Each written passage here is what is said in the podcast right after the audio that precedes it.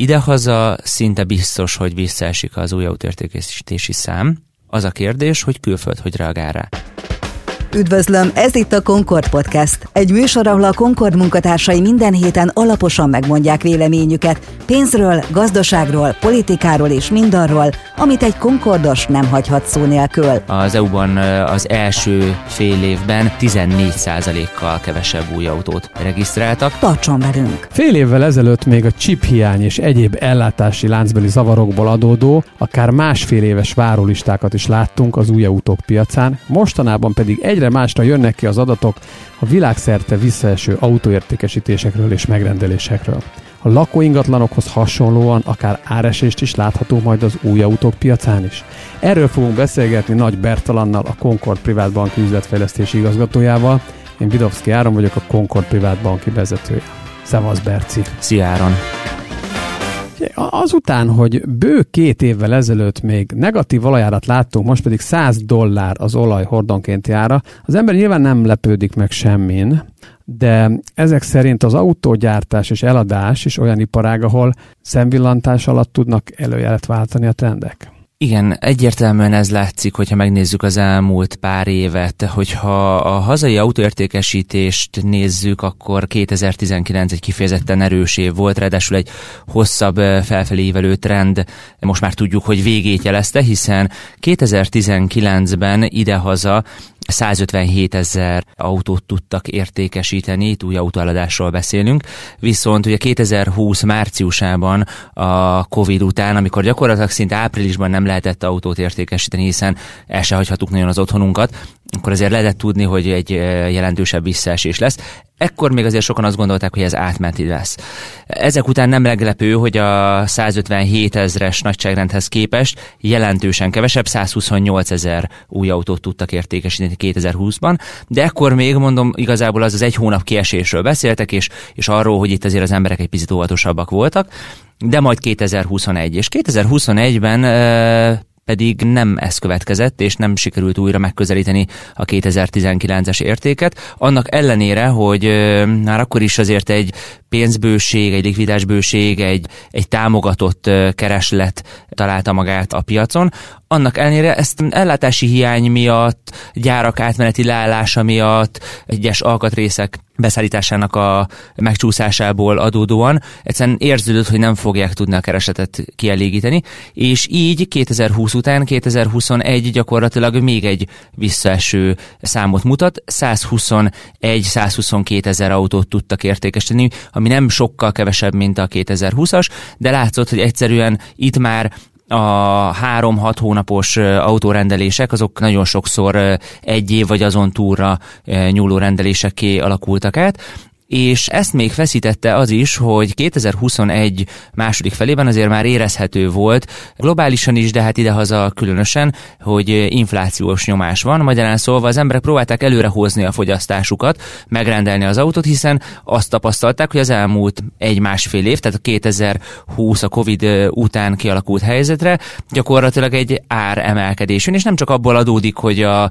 forint gyengült az euróval szemben, hanem azzal is magyarázható volt, hogy a megnövekedett kereslet miatt gyakorlatilag az autógyártók fél évente is tudtak már árat emelni, és nem az volt a jellemző, hogy évente egyszer átnézik, hogy akkor hogyan emeljék meg az árakat a piaci kereslethez a beszerzési árakhoz képest, hanem gyakorlatilag volt egy jó árképző erejük, és ezt azért 2021-ben át is tudták vinni, és ennek volt köszönhető, hogy láttunk olyan autógyártót, aki 2021-ben konkrétan háromszor, igaz csak 5%-ot, de háromszor emelt árat, így gyakorlatilag éven belül egy-két számjegyű százalékban tudta megemelni az új autó árát. Ez a trend is azt erősítette, hogy az emberek próbálták előrehozni a fogyasztásukat. Hogyha megnézzük, akkor 2022-re azért a legtöbben azt várták, hogy hát legalább ezt a 120 ezres, 125 ezres értéket el tudjuk érni, én egy picit már azért visszafogottabb előrejelzést adtam. Egyrészt azért, mert látszott, hogy a chip hiány egyszerűen nem tud megoldódni, és valószínűleg ez még a 2022 és 2023-as értékesítéseket is befolyásolni fogja. Másrészt látszott az a trend is, hogy egyszerűen nem csak az autók darabszáma próbál nőni, tehát hogy nő a kereslet, hanem gyakorlatilag az autókba felhasznált csipek száma is nőtt azáltal, hogy nagyon sok plusz funkciót rendeltek bele az emberek, tehát egyre jobban felszerelt autókat próbáltak megrendelni, és hát ez is azt mutatta, hogy így nem lesz elég chip. Igen, ha visszagondolok erre az egy évre, egy átlag autóvásárló szempontjából, aki nem figyeli ennyire ezeket a számokat, amit elmondta, hát három nagyon érdekes dolog mindenképpen szembetűnő volt, és mondjuk aki legalább mondjuk annyi idős, mint mondjuk mi vagyunk, vagy leginkább mondjuk talán én, azoknak meg pláne, tehát ez a három dolog az az volt, hogy ha új autót rendeltél, nagyon sokszor az extra listáknál kihúzogatták, hogy azzal meg azzal, azzal nem tudják szállítani, mert nincs hozzá chip, ami nagyon meglepő. Ott ülsz egy szalomba, nézegeted, tehát azért ez nem volt hozzászokva senki az elmúlt 10-15-20 évben. Ez volt az egyik. A másik, hogy teljesen a KGST időket emlékeztetően lettek ezek a másfél éves várakozási időszakok. Jó, mondjuk a 80-as években ez nem másfél év volt, hanem három, négy, akár öt év, mondjuk egy Lada 1500-as. És ezt akartam mondani, hogy azért a Zsiguli az nem a csiphiány miatt. Igen, nem a csiphiány miatt. És a harmadik pedig, hogy ennek következtében nagyon fölment a használt autóknak az ára is, ami akár olyan anomáliákat is okozhatott, amit szintén a 80-as években lehetett utoljára látni, hogyha valaki nem akart várni egy autóra, hanem rögtön meg akart venni, annak többet kellett egy fizetni egy picit egy, egy-két hónapos autóért, mint hogyha beáll a sorba és végigvárja. Tehát, hogy ezt így nem gondoltam volna így 90-es évek után, hogy ilyet 2022-ben fogunk látni, de mégis. És erre egy konkrét példát is tudok mondani. Angliában, ahol ugye tudjuk, hogy nem bal oldalt, hanem jobb oldalt van a kormány, ott ugye még inkább korlátozott volt, hogy milyen mennyiséget kapnak az új autókból, a leszállított új autókból, és itt nem volt arra lehetőség, hogy mondjuk Európából akkor vásárol az ember, és akkor behozatja. Ennek köszönhetően például a Porsche-nak egyes modelljei kettő évesen többet kellett értük fizetni, tehát drágábbak voltak, mint hogyha újonnan rendelte volna az autót az ember, mert hogy nem akarta ezt megfizetni, és hát akkor viszont a másodpiacon ez volt ennek az ára. Úgyhogy ha még ez egy ilyen szűkülő piaccal is párosul, mint hogy jobb kormányos az autó, akkor bizony ez különösen ár meghatározó tud lenni. Amúgy ez a trend, ez abszolút megfigyelhető volt. Nagyon sok olyan sztorit hallottam, ahol egy-két éve vettem használt autót, most el szeretném adni, és kiderült, hogy igazából drágában tudom eladni, mint amikor én megvettem. Nyilván ez valamilyen szinten egy túlzó kereslet és szűkülő kínálatnak a következménye, meg azért az infláció is erre rátette egy lapáttal, hiszen azért 320-330 forintos euróról beszélgettünk mondjuk 2020 tavaszán a Covid előtt, aztán utána volt egy felfutása, de még utána is többször azért 350 forint környékén is járt, és ha megnézzük mostanra azért már a 410-420 forintot is ostromolt a, az euróforint árfolyama, tehát hogyha így nézzük, akkor ebben is van egy plusz felhajtó erő, de amúgy, hogyha megvizsgáljuk, akkor nem csak hazai specifikus, tehát nem csak a mi piacunkon volt ez megfigyelhető, hanem természetesen ez egy globális helyzet, és Hát a 2022-es számok, itt ugye már a háborúval is sújtva van ez a szektor is, de hogyha megnézzük, akkor például az Egyesült Államokban 2020 2022 első fél évében nagyjából 6 millió 806 millió 900 ezer új autót értékesítettek, ami 21-hez képest is közel 18 százalék visszaesést jelent, de amúgy Európában is nagyjából ez a helyzet, hiszen az EU-ban az első fél évben 14 százalékkal kevesebb új autót regisztráltak, és ha leszűrjük az EU-n belül az országokat, akkor nagyon érdekes, hogy szinte mindenhol két számjegyű a visszaesés, de például Olaszországban 23 százalék, Franciaországban 16, de Németországban is 11 százalék volt a visszaesés. Tehát látszik, hogy egyszerűen nem tudnak kellő mennyiségű autót gyártani, de ha mögé nézünk ennek a trendnek, akkor én azt gondolom, hogy nem is biztos, hogy olyan erős már a kereslet mögötte, hiszen amit 2022 első fél évében értékesítettek, azaz helyeztek forgalomba, azt pontosabban 2021 első fél évében kellett legalább megrendelni. Magyarán szólva a vételi erőt, a keresleti oldali erőt, azt igazából még a 2021-es pénzbőség idején és a 0%-os kamatok idején regisztrálták, amit most forgalomba helyeznek. Hogy most miket rendelnek az emberek, az ugye itt már sokkal inkább egy másik trendet mutat. Azt kéne inkább megvizsgálnunk, hogy most milyen sokan érdeklődnek új autó iránt, mennyire könnyen elérhető egy új autó, és mennyire van akár kedvük cserélni az embereknek autót. Na, most az is érdekes, amire előbb egy fél mondat erében utaltál, a kamatkörnyezet is változott. Ugye tavaly még különböző támogatott hitelkonstrukciók keretében nagyon kedvező, tehát tényleg alacsony egyszámjegyű THM-mel is lehetett autót vásárolni. Itt hihetetlen gyorsan mentek fel Magyarországon is a kamatok. Ez hogy hatott az autó értékesítésre? Sőt, hát olyan szinten olcsón lehetett, vagy olcsó finanszírozás mellett lehetett autót vásárolni, hogy voltak olyan céges támogatott eszközvásárlási programok, ahol autókat akár 0% körüli THM-mel, de tényleg én 1-2%-os THM-mel meg lehetett már vásárolni, amihez képest drasztikus változás állt be, hiszen már tavaly elkezdődött azért a kamatemelés idehaza, viszont idén nyár elején ez még inkább begyorsult, és hát láttunk olyat is, amikor mondjuk egyben két százalékot emelt a jegybank az alapkamaton, és hát most már azért ott tartunk, hogy várhatóan szeptember végére 12-13 százalékos kamatról fogunk beszélni, Magyarország esetében, és azt is látjuk, hogy még ez sem biztos, hogy teljesen a csúcsa lesz, hiszen ha megnézzük az inflációs helyzetet, akkor lesznek még olyan tételek, amik most az ősz folyamán fognak csak beárazódni az inflációba. Ha ezt nézzük, akkor nem kizárt, hogy 17-18 százalékos lesz az infláció a második fél évben Magyarországon, ami akár még további kamatemelést hozhat. Csak hogy érzékeltessük ezt, azért az 1 százalék, 2 százalékos kamatkörnyezetről mondjuk egy 12-13 százalékos kamatkörnyezet. Erre jön még rá ugye a finanszírozási költség pluszban, tehát hogy valószínűleg ugye a THM-ek azok már inkább 18-20 százalékosak lesznek. De meg is néztem egy példát, egy konkrét példát, ugye a Skoda Octavia az egy közkedvelt középkategóriás autó, lehet családi autónak is venni, lehet igazából céges autónak, flotta autónak is vásárolni. Nagy is volt rá a kereslet különben 2020 és 21-ben.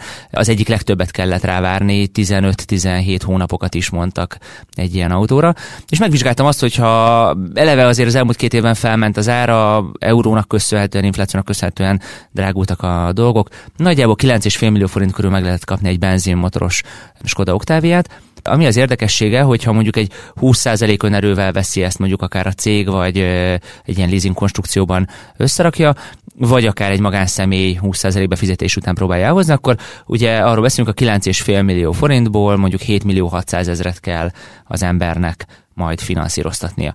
És megnéztem, hogy milyen finanszírozásokat adtak erre, és amikor 10,75 volt a jegybanki alapkamat, akkor hát igencsak meglepő módon 20% feletti THM-et Ez nem a két 3 os THM-ek világa, nagyon nem. Nagyon nem, és ez azt jelenti, hogy ebben az esetben egy leasing gyakorlatilag fix kamatozás mellett havi 195 ezer forintba kerül. 18,6 ugye maga a, a kamat, de hát a teljes mutató az 20,3, ami azt jelenti, hogy a 7,6 millió forintra 11,7 millió forintot kell visszafizetni, így gyakorlatilag a Skoda Octavia végösszege az ötödik év végére 13,6 millió forint.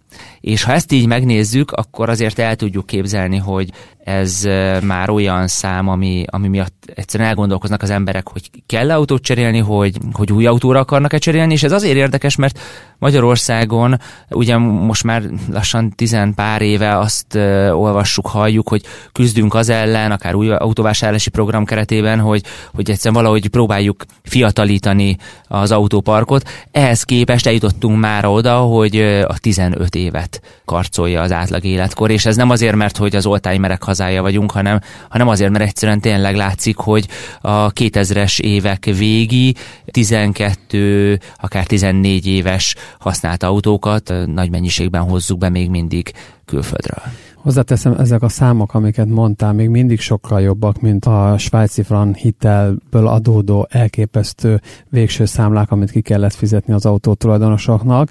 Viszont ami nyilván érdekes, és aminek van egy tovább húzódó hatása. Tehát azok a magánszemélyek, akik egyszer megégették magukat egy svájci fran hiteles autó vásárlási konstrukcióval, azok biztos körülbelül száz százalékig vagyok benne biztos, hogy semmilyen szinten nem fognak próbálkozni most egy újabb hasonló hitelkonstrukcióval, még ha egyébként beláthatóbb, teljesen más a risk, a közgazdasági háttere is más, de szóval, hogy ez, ebben van egy ilyen pszichés momentum is. Hát legyünk pozitívak, és gondoljuk azt, hogy azért a tavalyi évben a legtöbben kamatfixált. Legyünk pozitívak, igen, reménykedjük. Leasing konstrukcióba vagy hitelkonstrukcióba mentek be, és akkor ez őket most már szerencsére nem érinti, és igazából milyen, milyen jó döntést hoztak tavaly.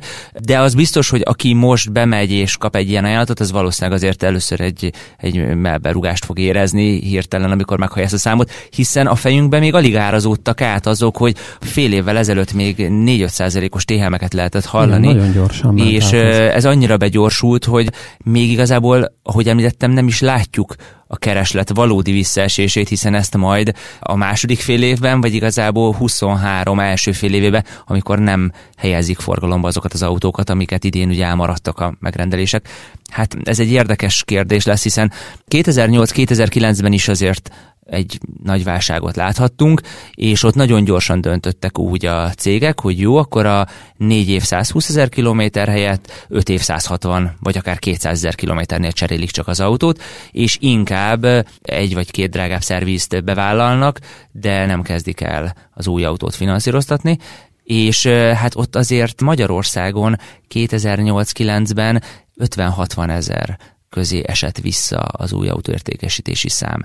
Tehát ha így nézzük, akkor az, hogy én azt mondom, hogy a 22-23-ba 100 ezer alatt marad, azzal még nem is mondok olyan nagyon nagy számot, sőt, sajnos el tudom képzelni, hogy a 23 az, az, az még akár 90 ezer alatt is lesz. Na most akkor a fő kérdésre rátérve, mert mindig ez a fő kérdés, akár mondjuk amikor lakóingatlanakról beszélgetünk, és akár külsős szakértőt is meghívunk, akkor is a végső kérdés az az, amit elvárnak tőlünk, és amit nekünk is illene legalább valamit válaszolnunk rá, hogy lesz áresés a lakóingatlanok piacán, vagy nem. És itt is ez a kérdés, amit te felvetettél, illetve amit a felkomban is elmondtunk, hogy akkor ezek alapján, ezeknek az eredője, amiket itt most szépen végigvettünk az elmúlt 17 percben, akkor te azt mondod, hogy az új autó piacán, az új autó értékesítésben is láthatunk majd, ha nem is áresés, de, de jelentős árkedvezményeket tudunk majd elérni, ha valaki egy picit még kitart a vásárlásával, vagy, vagy, vagy, vagy időben eltolja a vásárlását mondjuk jövőre? egy picit szétbontanám a választ, mégpedig azért, mert idehaza szinte biztos, hogy visszaesik az új autórtékesítési szám. Az a kérdés, hogy külföld hogy reagál rá. Hiszen ha megnézzük, akkor az LKB közel nem emeli ilyen tempóban a kamatot, és annak ellenére, hogy ott is azért 8-9 százalékos inflációt láthatunk, ott azért még mindig 1-2 százalékos kamatkörnyezetről beszélünk, és éppen ezért egy új autófinanszírozás az jelentősen olcsóbb, akár egy osztrák, egy német vállalkozásnak vagy, vagy magánszemélynek. Tehát őnála nem biztos, hogy ekkora lesz a visszaesés. Másrészt azt ne felejtsük el, hogy náluk az euró árfolyama azért mint negatív hatás nem lép fel. Nálunk azért ez is fellép egy 10-15 százalékos áremelkedést hozva magával, ami megint csak megnehezíti, hogy új autót vásároljunk. De mondjuk ez, ha Németországból hoznánk be használt autót, akkor ott is megdrágítja, tehát hogy ilyen szempontból a magyar piac még terheltebb lesz. Ugye az a kérdés, hogy ha a chip hiány megmarad, tehát nem tudnak kellő mennyiségű autót eladni, akkor elképzelhető az az anomália, ami bizonyos autószektorokban már látható volt, hogy egyszerűen a szomszédos országokból, például Ausztriából, Svájcból, Szlovákiából azt láttuk, hogy a magyar kvótára próbálnak vásárolni autót, tehát itt Magyarországon már forgalomba se helyezik, hanem amikor megkapja a kereskedő, azt konkrétan már egyből viszik ki külföldre, külföldi vevő vásárolja meg, hiszen neki lesz egy jelentős árelőnye. Az egyetlen egy kérdés, hogy ha globális recesszió lesz, már pedig én abban hiszek, hogy, hogy egy globális gazdasági válság lesz és visszaesés lesz, hiszen a energiárak ugyanúgy érintik akár a német lakosokat is, mint, mint a magyarokat. Hogyha visszaesik a keresleti kedv, akkor azt gondolom, hogy az autógyártóknak el kell kezdeni majd kedvezményeket adni. Erre azért már látunk ráutaló jeleket. Például vannak olyan márkák, amelyek már jelezték, hogy ha decemberi átvétellel már tudnak, és 5-10 százalékos kedvezményt adnak, ami lehet, hogy nem tűnik soknak, és volt ez régebben nagyobb is, de azért, ha megnézzük a 20-21-et, akkor gyakorlatilag fel sem merült, hogy mennyi kedvezményt kapnánk a listárból, tehát ahhoz képest azért ezek már arra utalnak, hogy, hogy azért nekik majd valahogy ki kell pörgetni az autókat. Ami kérdés, hogy a 2020 és 2021 az autógyártóknak nagyon jó év volt. Igazából, ha megnézzük a marginok, azok egyáltalán nem szűkültek, Sőt, igazából nekik a profitabilitásuk nagyon szépen fennmaradt egy csökkenő darabszám mellett, tehát magyarán szólva kevesebb autón nagyobb nyereséget tudtak elérni. Ez egy ilyen piac volt. Én azt gondolom, hogy ez 2022-2023-ra változhat, és alacsonyabb nyereség mellett fogják tudni értékesíteni ezeket az új autókat. Külföldre is igaz lesz ez, Magyarországra pedig hatványozottan. Az jutott még eszembe, Berci, amikor elmondtad teljesen jogosan, hogy a környezetet az eurózónában lévő országoknak teljesen más kamat környezettel találkoznak az ottani autóvásárlók, hogy egyébként Magyarországon, ha valaki szeretne, tud euróban hitelt felvenni? Úgy, hogy természetesen a svájci frank hitelezés után tisztába van annak a miben létével, hogy ő az autója mellé, akkor nyitott magának egy 25-30 ezer euró forint short pozíciót is. Van erre most lehetőség? Én úgy tudom, hogy magánszemélyek esetében nincsen, vagy talán euróban van, azt tudom, hogy már a svájci frankban nincsen. Igen, hogy euróban e, Euróban nem tartom teljesen kizártnak, de azt tudom, hogy az MNB-nek, mint felügyelet, mint jegybank is az volt a célja, hogy a devizában való eladósodást azt nagyon visszaszorítsa, tehát ez inkább azt gondolom, hogy maximum cégeknél jelenthet elérhető lehetőséget, de azért hozzáteszem, hogy nem tudom, hogy ez most egy kamat kedvezmény hozzá olyan előnyt nekik, kivéve persze, hogyha nekik amúgy euróban van a bevételük, és igazából ők úgyis euróban számolnak el, akkor lehet ez egy Igen, vagy arra gondoltam, aki mondjuk ez egy szűk réteg, aki pontosan tudja ennek a kockázatát, és érti, hogy egyébként ezzel mit vesz magára, azért mondtam, hogy ezt nyilván az eur forint short pozíciót, aki ezt érti, az miért nem mondhatná azt, hogy egyébként én ezt bevállalom, mert arra gondolok, hogy akár egy kis forint erősödés is jöhet, vagy ha mégis forint gyengülés van, akkor tudom, hogy én rosszul fogok járni, de én ezt vállalom. Tehát innen egy picit egy ilyen spekulatív eur-forint pozit is fölvállal valaki, aki... A nagy közönség szerető. számára ez biztos, hogy nem érhető, elérhető jelenleg. A beszélgetés vége fele, akkor a kettőnk közös kedvenc témájára kicsit térjünk át. Mi zajlik, mi zajlott az elmúlt hónapokban az elektromos autók piacán? Igen, ezt már többször megkaptam, hogy valószínűleg engem a belső égésű motorgyártója szponzorál, mert hogy, mert hogy én alapvetően inkább a belső égésű motorok vagy a, vagy a hibrid meghajtás mellett állok. Azt látjuk, hogy szabályozói oldalról és ezáltal gyártói oldalról is nagyon nagy a fókusz azon, hogy 2025 és 2030 között átálljanak, és szinte minden szegmensbe, vagy egyes szegmensekbe már csak elektromos autót értékesítsenek a nagy autógyártók de én azt gondolom, hogy ez a jelenlegi gazdasági válság, a chip hiány, és még sorolhatnám, hát egy, egy, egy terhelt időszakban vagyunk, ez biztos, hogy meg fogja nehezíteni, és én nem is látom annak a realitását, hogy ez 2030 környékére megvalósulhat. Valószínűleg ezt majd el kell tolni akár 5-10 évvel, és közben azért nem szabad elfelejteni, hogy a hidrogénhajtású járművek egyre inkább jönnek föl, ami abszolút alternatívája lehet majd az elektromos autónak, úgyhogy mire oda jutunk 2025 és 30 között már lehet, hogy arról beszélünk, hogy azért ez nem is csak és egyirányú út lesz az elektromos autózás felé. Ami még a másik érdekessége, hogy ugye ez az akkumulátor alapanyaga gyakorlatilag ugyanúgy nehezen kibányázható, nehezen elérhető, akadozik az ellátottság, igazából már olyan mezőket vásárolnak meg az autógyártók, amit majd 2026-28-ba kezdenek el kiaknázni. Magyarán szólva látszik, hogy ott is valamilyen szinten ha egy normális kereslettel találkozna, akkor abszolút hiány lenne, ami megint csak felvinné az árakat, az amúgy sem olcsó elektromos autók esetében. Innentől kezdve én azt gondolom, hogy ez az átmenet, ez, ez, ez biztos, hogy nem lesz gyors és egyszerű. Továbbra is azt mondom, hogy az elektromos autózás nagyon jó dolog, de én ezt továbbra is a normál méretű autók és a normál méretű akkumulátorok esetén, azaz a városi autók esetében látom ezt százszerzében megvalósulni, és az, hogy ha csak nem lesz egy nagy előrelépés az akkumulátorokban, akkor, akkor nagyon nehéz elképzelnem, hogy ez, a, ez minden szegmást ki tud majd váltani. Az biztos, hogy ez nem lesz gyors, nem, és nem lesz olcsó ez az átmenet. Ha tetszett ez az adás, akkor iratkozzatok fel Concord Podcast nevű YouTube csatornánkra, vagy a Spotify, az Apple és a Google Podcast lejátszón a Concord Podcastra, illetve cikkeinket olvassátok a concordblog.hu. Berci, nagyon szépen köszönöm. Köszönöm szépen.